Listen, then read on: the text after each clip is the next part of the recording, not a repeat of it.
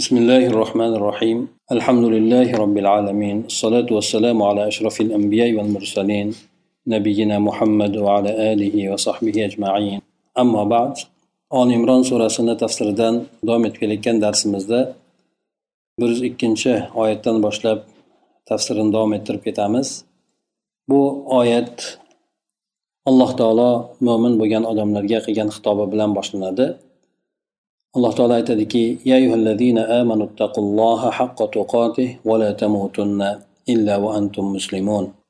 Oyatni mazmuni shundan iboratki alloh taolo o'zini suygan bandalariga xitob qilgan holatda ularni o'zidan haqiqiy suratda taqvo qilishlikka buyuradi. Oyatlarda alloh taolodan taqvo qilishlikka buyurilganu lekin bu o'rinda ta'kidlangan holati faqat bir o'rindagina o'tadi. Bu esa mana shu o'qiyotgan oyatimiz ya'ni ittaqulloha haqqa tuqotih alloh taolodan haqiqiy suratda taqvo qilinglar deb aytadi. Ana undan keyin vala tamutunna illa va antum muslimun ya'ni sizlar musulmon bo'lgan holatdagina vafot etinglar deb alloh taolo aytadi. Bu shu narsani anglatadiki inson demak alloh taolodan taqvo qilib hayotini o'tkazishlik bu hayotini oxirigacha shunday davom etishlik insonni musulmon holatda vafot etishligini garovi bo'ladi. Demak inson hayoti mobaynida alloh taolodan haqiqiy suratda taqvo qilib o'tar ekan alloh taolo insonni hayotini iymon bilan saqlab beradi. Boshqa oyat karimada alloh taolo aytadiki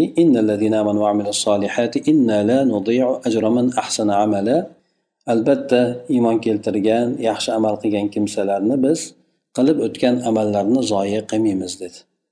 albatta inson bir ixlos bilan yaxshi amal qilib o'tar ekan alloh taolo uni amallarni zoya qilmaydi iymonni ham saqlab beradi bu oyatni tafsirida aytib o'tadiki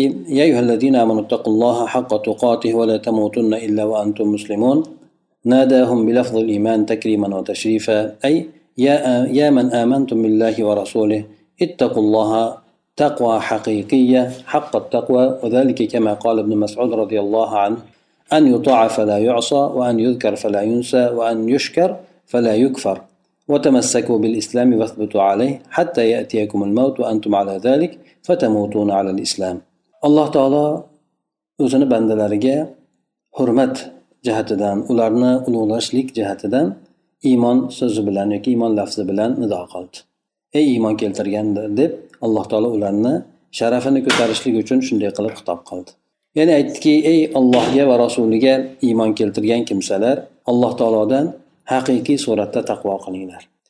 Ibn masud aytganlaridek haqiqiy taqvo qilishlik qanday bo'ladi? Bu kishi aytib o'tadilarki shu oyatni tafsirida an alloh taolo itoat qilinishligi osiylik qilinmasligi. Demak inson alloh taologa har bir buyurgan narsasida itoat qilishligi. Alloh taologa osiylik qilmasligi. Ya'ni ikkalasi bir birini lozim tutadigan narsa. Ya'ni alloh taologa inson itoat qilar ekan albatta osiylik qilmaydi. Bu yerda osiylik qilmasligi deb keltirishligida kichkina arzimas bo'lgan narsalarda ham inson alloh taologa osiylik qilmasligiga e'tiborni qaratishligi uchun allohu alam aytib o'tgan. Bo'lmasa itoat qilishligini o'zini aytishligi bu yerda kifoya qilgan bo'lar edi. Xuddi shuningdek alloh taolo zikr qilinishligiyu unutilmasligi. Ya'ni bir muddat bo'lsa ham alloh taoloni yoddan chiqarmaslik uchun bu yerda falayunsa kalimasini ziyoda qilib alloh alam qo'shib qo'ydi. Demak alloh taoloni inson doim eslab yuradigan bo'lsa alloh taoloni qudratini alloh taoloni qanday zot ekanligini beradigan mukofotini yoki bo'lmasa inson qosirlik qiladigan bo'lsa unga beradigan azoblarini agar inson eslab yurar ekan albatta bu insonni haqiqiy suratda taqvo qilishlikka undaydi. Shuningdek inson alloh taoloni o'zini eslashlik bilan birgalikda alloh taolo bergan ne'matlarni ham eslashligi kerak bo'ladi. Bu ham taqvoni simniga kirar ekan. Shuning uchun alloh taolo bergan ne'matlariga shukrona qilinishligi alloh taolo nonko'rlik qilinmasligi. Ya'ni banda alloh taolo bergan ne'matlarini eslab alloh taoloni o'zini ham eslab ham alloh taoloni bergan ne'matlarini eslaydida bularga bularni evazida alloh taologa nonko'rlik qilmaydi. Mana shu narsa demak haqiqiy suratdagi taqvo qilishlik deb aytib o'tadi. Buni qisqacha mazmuni shuki demak alloh taolo sizlarga yuborgan islomni mahkam tutinglar islomda sobit qadam bo'linglar hatto sizlarga mana shunday bo'lgan holatinglarda o'lim kelgunigacha deydi. Ana o'shanda sizlar islomda vafot etasizlar. Ya'ni inson islomda vafot etib qolishligi ham ancha katta narsa. Inson iymoni bilan islom bilan vafot topishligi yoki hayotdan ko'z yumishligi bu judayam insonga katta berilgan ne'mat bo'ladi واعتصموا بحبل الله جميعا ولا تفرقوا واذكروا نعمة الله عليكم إذ كنتم أعداء فألف بين قلوبكم فأصبحتم بنعمته إخوانا أنا undan keyin inson haqiqiy suratda taqvo qiladigan bo'lsa albatta insonlar taqvo qiladigan bo'lsalar alloh taolodan bu narsa o'zaro o'rtalarini jipslashligiga olib boradi O'rtalaridagi bo'lgangina adovatlarni ko'tarilishligiga ularni saflarini birlashligiga olib boradi. Shuning uchun alloh taolo taqvoga chaqirgandan keyinla yana mo'minlarni shu taqvoni natijasi o'laroq buyurdiki alloh taoloni ipini ya'ni alloh taolo yuborgan dinni mahkam tutinglar. Hammalaringiz mahkam tutinglar va bo'linib ajralib ketmanglar dedi. Yana uni oqibatida aytib o'tdiki alloh taolo sizlar alloh taoloni sizlarga bergan ne'matini eslanglar. Sizlar bir birlaringizga dushman edilaringiz alloh taolo sizlarni o'rtalaringizni ya'ni qalblaringizni ulfatlab qo'ydi. Shu bilan alloh taoloni bergan ne'mat sababli bir birlaringizga birodar bo'ldilaringiz deb aytib o'tadi. Mana bu oyati karimaga agar biroz nazar tashlaydigan bo'lsak yuqoridagi taqvoga chaqirishlik bilan albatta bu oyat bir biriga chambarchas bog'liqligi bor. Inson alloh taolodan haqiqiy suratda taqvo qilar ekan bu narsa aytib o'tganimizdek safni birligiga olib boradi. Yana bunga ziyodatan alloh taolo aytdiki demak hammalaringiz bir bo'lgan holatda alloh taoloni dinini ushlanglar dedi. Din odamlarni birlashtirishlik uchun kelgan. Odamlarni bo'lishlik uchun emas. Dinda shuning uchun ixtilof qilmanglar deb aytiladi. Din hammani birlashtirishlikka chaqiradigan hamma birlashsa o'z ichiga olaveradigan shunday bir axloqqa shunday bir hukmlarga egadir.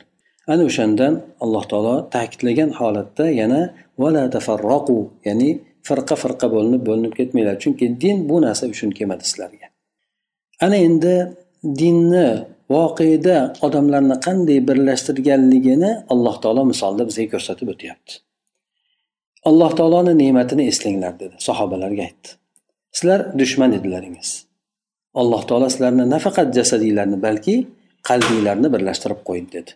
Demak insonni qalblarini birlashtirishlik bu jasad birlashligidan ko'ra boshqacharoq narsa. Chunki inson birodariga muomala qiladigan bo'lsa chin qalbidan muomala qiladi. Yuz yuzaki haligi soxta bir suratda emas balki qalbidan u birodarni yaxshi ko'radi qalbidan u birodariga yaxshilikni tilaydi. Mana demak o'sha din birlashtirishlikka kelganligini avvaldagi bo'lgan hattoki bir biriga to'g'ri oddiy bo'lgan holatdagi emas balki bir biriga dushman bo'lgan dushman bo'lganda ham bu ikkita avs bilan hazrat o'rtasidagi bo'lgan e, urush taxminan qirq yil mobaynida davom etadi. Bunda juda ko'pchilik o'lib ketadi. Ana o'shandek bir biriga aytaylik kimdir bolasini o'ldirgan kimdir otasini o'ldirgan. Ana shunday bo'lgan narsalarni ular din kelganligi sababli unutishdi. Bir biriga nisbatan kechirimli bo'lishdi. Alloh taolo bularni jasadini emas balki aytib o'tganimizdek qalblaringizni birlashtirib qo'ydi dedi. Boshqa bir oyat karimada aytadiki ya'ni agar siz yer yuzidagi bo'lgan hamma narsani sarflaganingizda ham boylikmi obro'mi hamma narsani sarflaganingizda ham ularni qalblarini o'rtasini birlashtirolmas edingiz dedi. Lekin alloh taolo o'zi birlashtiradi deb aytdiki odamlarni birlashtirishlik bu narsa din orqali ya'ni qalblarni birlashligi din orqali bo'lganligini bu yerda bayon qilib o'tdi. Shuning uchun bu dinni alloh taolo insonlarni birlashishligi uchun insoniyatga yubordi. Ya'ni sizlar mufassir aytib o'tadiki e, sizlar islom dinini mahkam tutinglar. Ya'ni qur'oni karimni hablillohdan murod ya'ni islom dini alloh taoloni qur'oni ya'ni bular hammasi bir biriga yaqin bo'lgan ma'nolar. Ana endi sizlar dinda ixtiloflashib bo'linib bo'linib ketmanglar. Xuddi bu sizlardan oldingi yahudiy nasorolar qilgani kabi deydi. Bular dinni haqiqiy suratda lozim tutmaganligi uchun bular bo'linishlikka olib bordi. Bo'linib firqa firqa bo'lib bo'linib ketdi. Hattoki bir biriga dushman bo'lgan suratda. Demak inson haqiqiy suratdagi dinni lozim tutmas ekan o'z öz o'zidan bu bo'linishligi yuzaga chiqaverar ekan. Yana sizlar alloh taoloni ne'matini eslanglar. Sizlar islomdan oldin dushman bo'lgan bo'lgandilaringiz bir birlaringizni o'ldirardingiz alloh taolo esa sizlarni qalblaringizni muhabbat bilan birlashtirib qo'ydi. Bir biriga shunchaki birlashtirmadi balki bir biriga muhabbatli qilib birlashtirib qo'ydi va sizlarni iymon ustida jamladi. Sizlar esa allohni yo'lida bir birlaringizni yaxshi ko'radigan birodar bo'lib qoldilaringiz deydi. Ya'ni insoniyat yetishligi mumkin bo'lgan eng oliy darajadagi birodarlik ana o'sha sahobalarda o'z aksini topgan edi. Bu narsa esa albatta alloh taoloni fazli in'omi marhamat qilishligi bilan bo'lgan edi. Yana alloh taolo ularni holatini bizga qanday holatda bo'lganligini bayon qilib aytadiki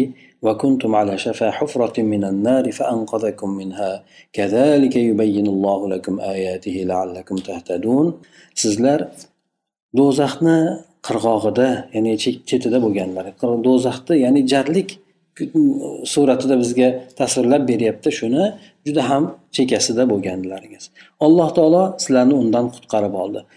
Jarlikni chekkasida nima degani? Ya'ni do'zaxga tushishlikka sizlarga bir bahya qolgandi. Sal bir muddat bo'ladigan bo'lsa yoki bir holat bo'ladigan bo'lsa sizlar do'zaxga tushib ketgan bo'larlaringiz. Lekin alloh taolo sizlarni bu dinni yuborishlik bilan do'zaxdan sizlarni qutqardi deydi. Ya'ni bular insoniyat do'zaxdan qutqarilishligini yoki qutulishligini sababi shu din ekan. Agar din bo'lmaydigan bo'lsa inson do'zaxni bir chetida turgan bo'lar ekanki ana tushib ketadi mana tushib ketadi degan holatda bo'lar ekan. Ana o'shanday qilib alloh taolo sizlarga oyatlarini bayon qilib beradiki shoyat shu narsalardan bir tafakkur qilib hidoyatlanib qoladilar bo'lsalaringiz ya'ni alloh taoloni hidoyatini lozim tutadigan bo'lsalaringiz deb aytib o'tadi. Demak alloh taolo bu yerda buyruqlar qilib hamda voqelikni tasvirlab berib misol tariqasida o'sha sahobalarni ham keltirib turib yana ular o'sha bizga yana yaqinroq bo'lishlik uchun bular islom kelmaydigan bo'lganda do'zaxni tubida turganda o'lishligi bilan do'zaxga ketgan bo'lar edi. Lekin alloh taolo bularni shunday juda ham yaqin bo'lib turgan holatdagi do'zaxdan alloh taolo shu dinni yuborishlik bilan qutqardi demak din insoniyatni xosatan islom dini insoniyatni do'zaxdan to'laligicha qutqaradigan din ekan mufassir aytadiki حفرة من النار من نار جهنم بسبب كفركم فأنقذكم رب العزة والجلال بأن هداكم للإسلام ومثل مثل هذا البيان البديع يبين الله لكم شرائع الدين لكي تهتدوا وتفوزوا بسعادة الدارين شبه تعالى حالهم في الجاهلية بحال من كان واقفا على طرف جبل شاهق مشرف على واد سحيق يكاد يقع فيه وما أروعه من تمثيل mufassir aytadiki demak sizlar kofir bo'lganlaringiz sababli jahannam o'tini juda ham bir chetida chetida bo'lganlaringiz alloh taolo sizlarni islomga hidoyat qilishlik bilan o'sha jahannamdan qutqardi najot berdi. Mana shunaqangi bir ajoyib suratdagi bayon qilishlik bilan alloh taolo sizlarga din shariatlarini masala ahkomlarini bayon qilib beradi. Toinki sizlar mana shu narsalarni eshitib shu narsalar bilan yo'llanib hidoyatga kirib qolishliginglar bu bilan esa ikki dunyoni yoki dunyo oxiratda baxt saodatini erishishlaringiz uchun alloh taolo sizlarga shunaqangi bir ochiq bir suratda yaqin bir suratda shariat hukmlarini sizlarga bayon qilib beradi. Alloh taolo ularni johiliyatdagi bo'lgan holatlarini xuddi judayam bir e, e, jarlikka qarab turgan judayam baland tog'ni bir chetida turgan odamni holatiga o'xshatib berdi.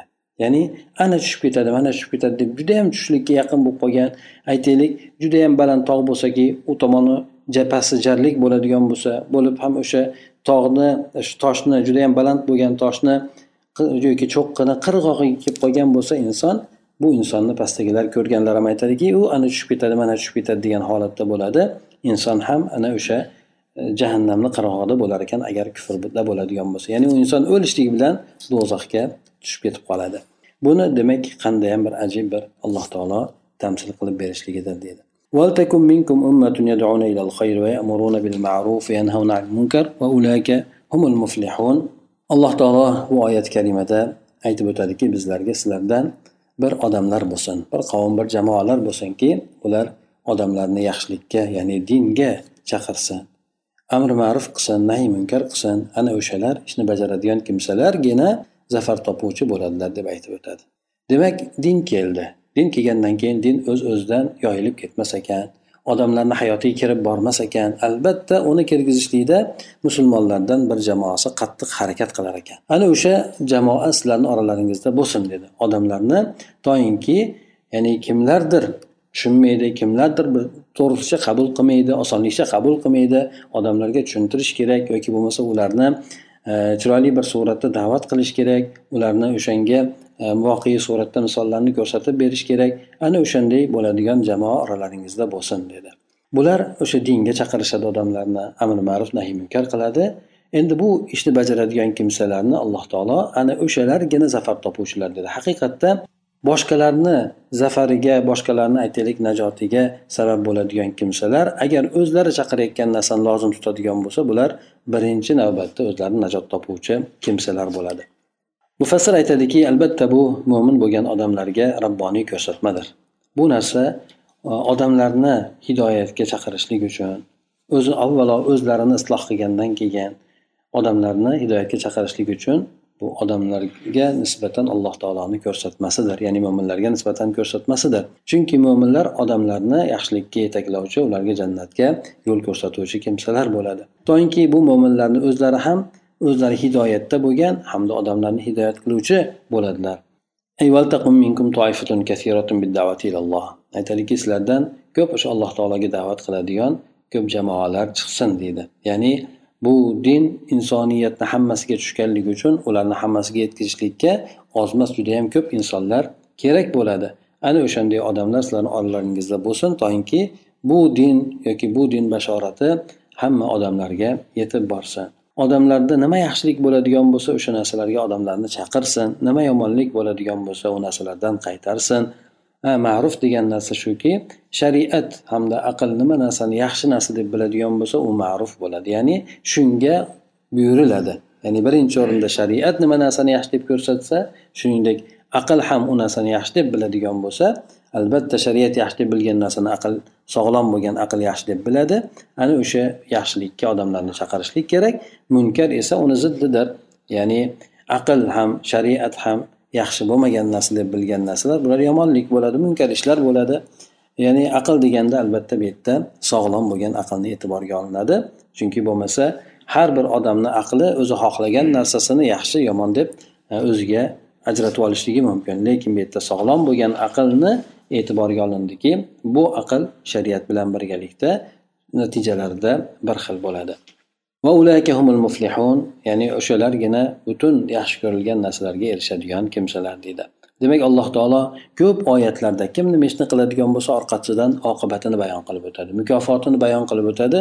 Bu ham o'ziga yarasha o'sha amalni insonlar tomonidan ya'ni qilinishligiga katta bir targ'ib bo'ladi.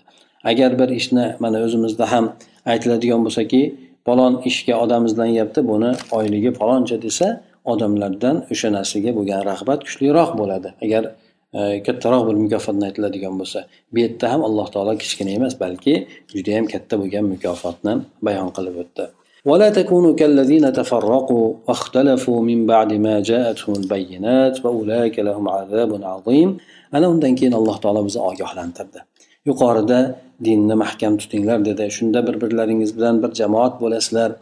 O'rtalaringizda ixtilof bo'lmaydi dedi. Ana undan keyin aytdiki endi sizlar ochiq hujjatlar kelgandan keyin din bayon qilingandan keyin din ahkomlari sizlarga aytilib o'tgandan keyin ixtilof qilib bo'lak bo'lak bo'lib ketib qolmanglar. Ana o'shanday kim o'shanday qiladigan bo'lsa unday bo'lgan odamlarga buyuk yoki judayam katta bir azoblar bor og'ir bo'lgan azoblar bordir deb aytib o'tadi. Mufassir aytadiki sizlar yahudiy nasorolarga o'xshagan bo'lmanglar. Bular judayam ko'p firqalarga bo'linib ketishdi. Bir birlarini kofirga chiqarishdi. Bu narsa esa dinga ergashganligidan emas balki din bir tomonda qolib havoyi nafsiga ergashganliklari sababli bo'ladi. Bular johillikdan shunday qilishimiz yo'q johillikdan emas bularga oyatlar ochiq suratda bayon qilingandan keyin shu holatga tushib qoldi. Shuning uchun inson bilmasdan adashib ketishligi mumkin. Bunda inson havoyi nafsiga ergashmaydida u inson zalolatni lozim tutgan bo'ladi. Ya'ni o'sha narsani haqiqat deb bilgan bo'ladi. Uni oqibati yengilroq bo'lishi mumkin.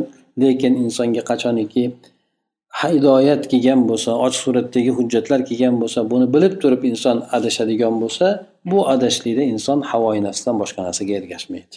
Bu narsa esa oqibati og'ir bo'ladi. Ana shuning uchun alloh taolo aytdiki bularga judayam qattiq azob bo'ladi deb bayon qildi. ana o'sha odamlar qiyomat kunida judayam qattiq azobda bo'ladigan kimsalar yoki adashgan kimsalar hisoblanadi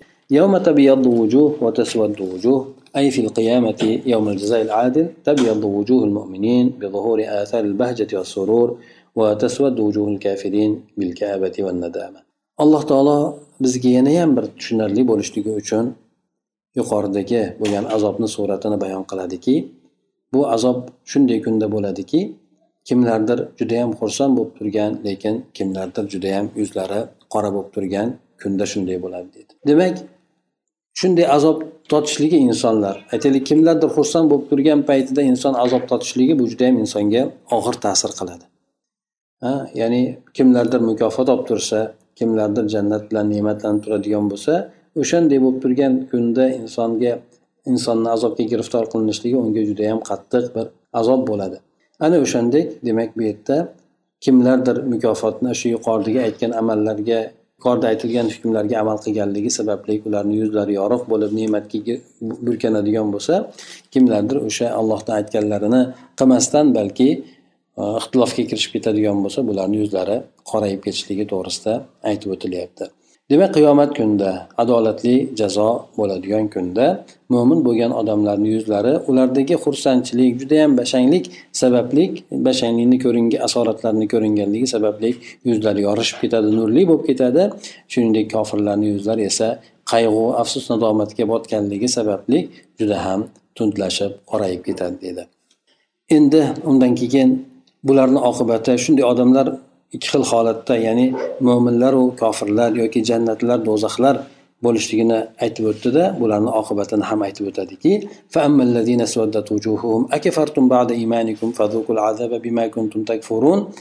endi yuzlari qoraygan kimsalarga nisbatan aytiladiki iymoninglardan keyin kofir bo'lib ketdilaringizmi? Ya'ni iymon qaysi bu iymon? Kofirlar o'zi aslida islom asosida tug'iladi bu birinchidan. Ikkinchidan insonlarni fitrati tabiati alloh taoloni tanishlikka allohga iymon keltirishlikka asoslangan. Shuning uchun al misoq deb qo'yiladiku.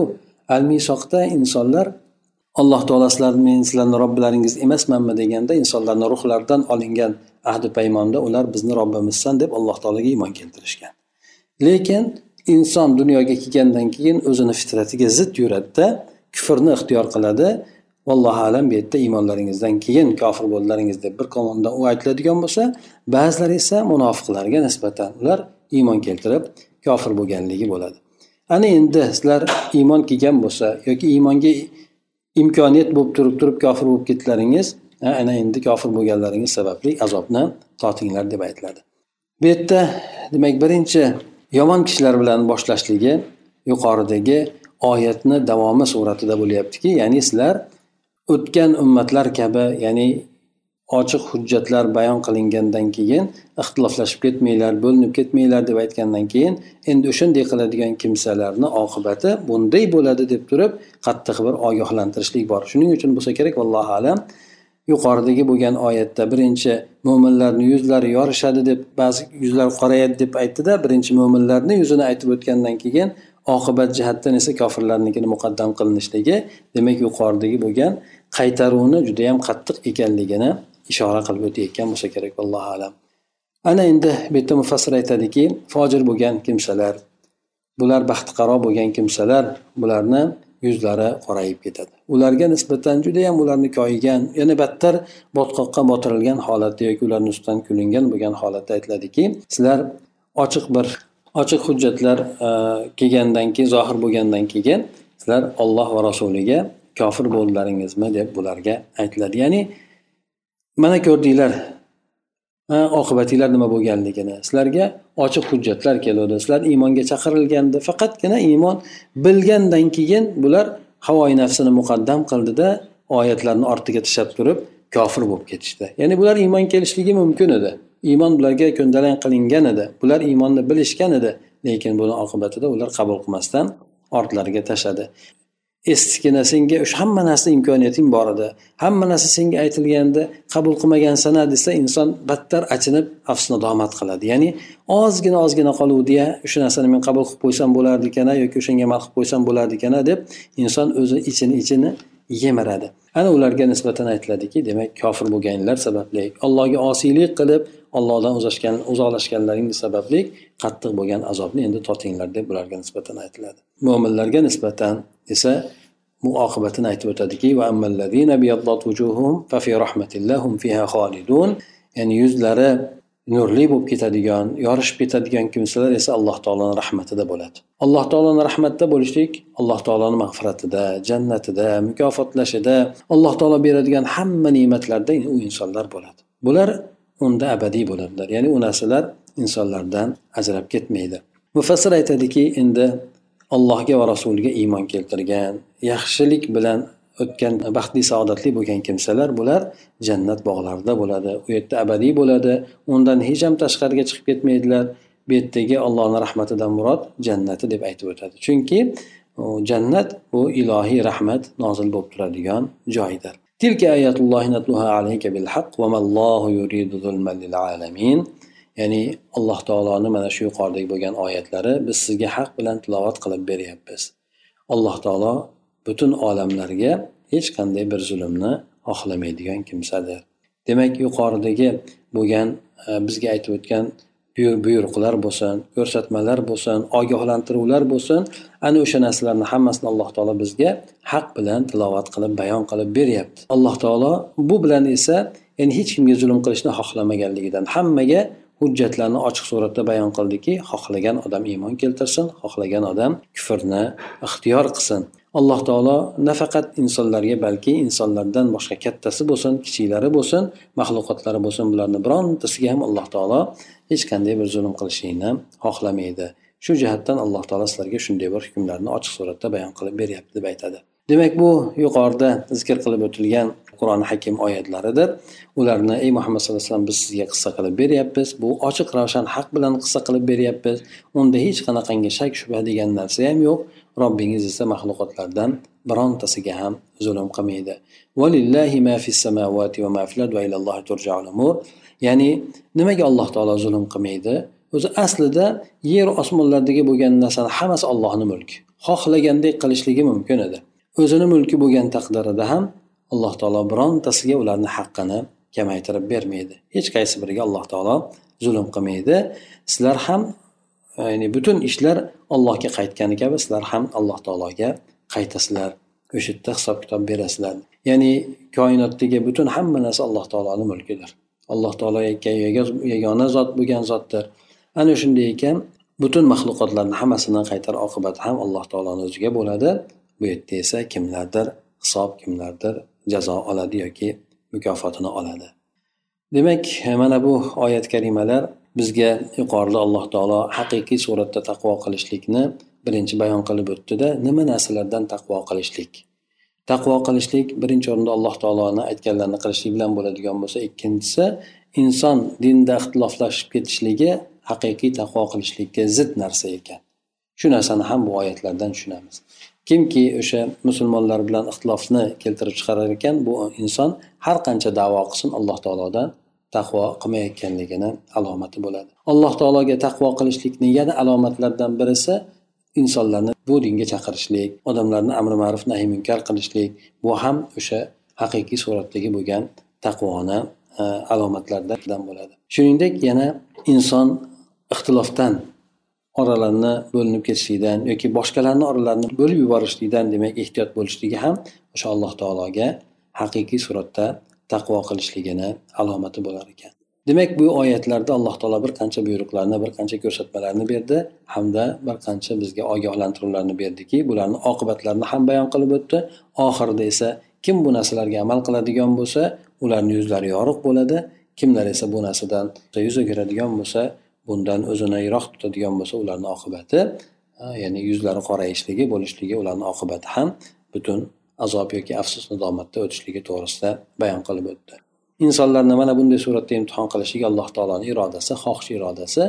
Butun yer yuzi koinotdagi bo'lgan hamma narsa ollohni mulki. Alloh taolo esa xohlagan narsasini qiladi.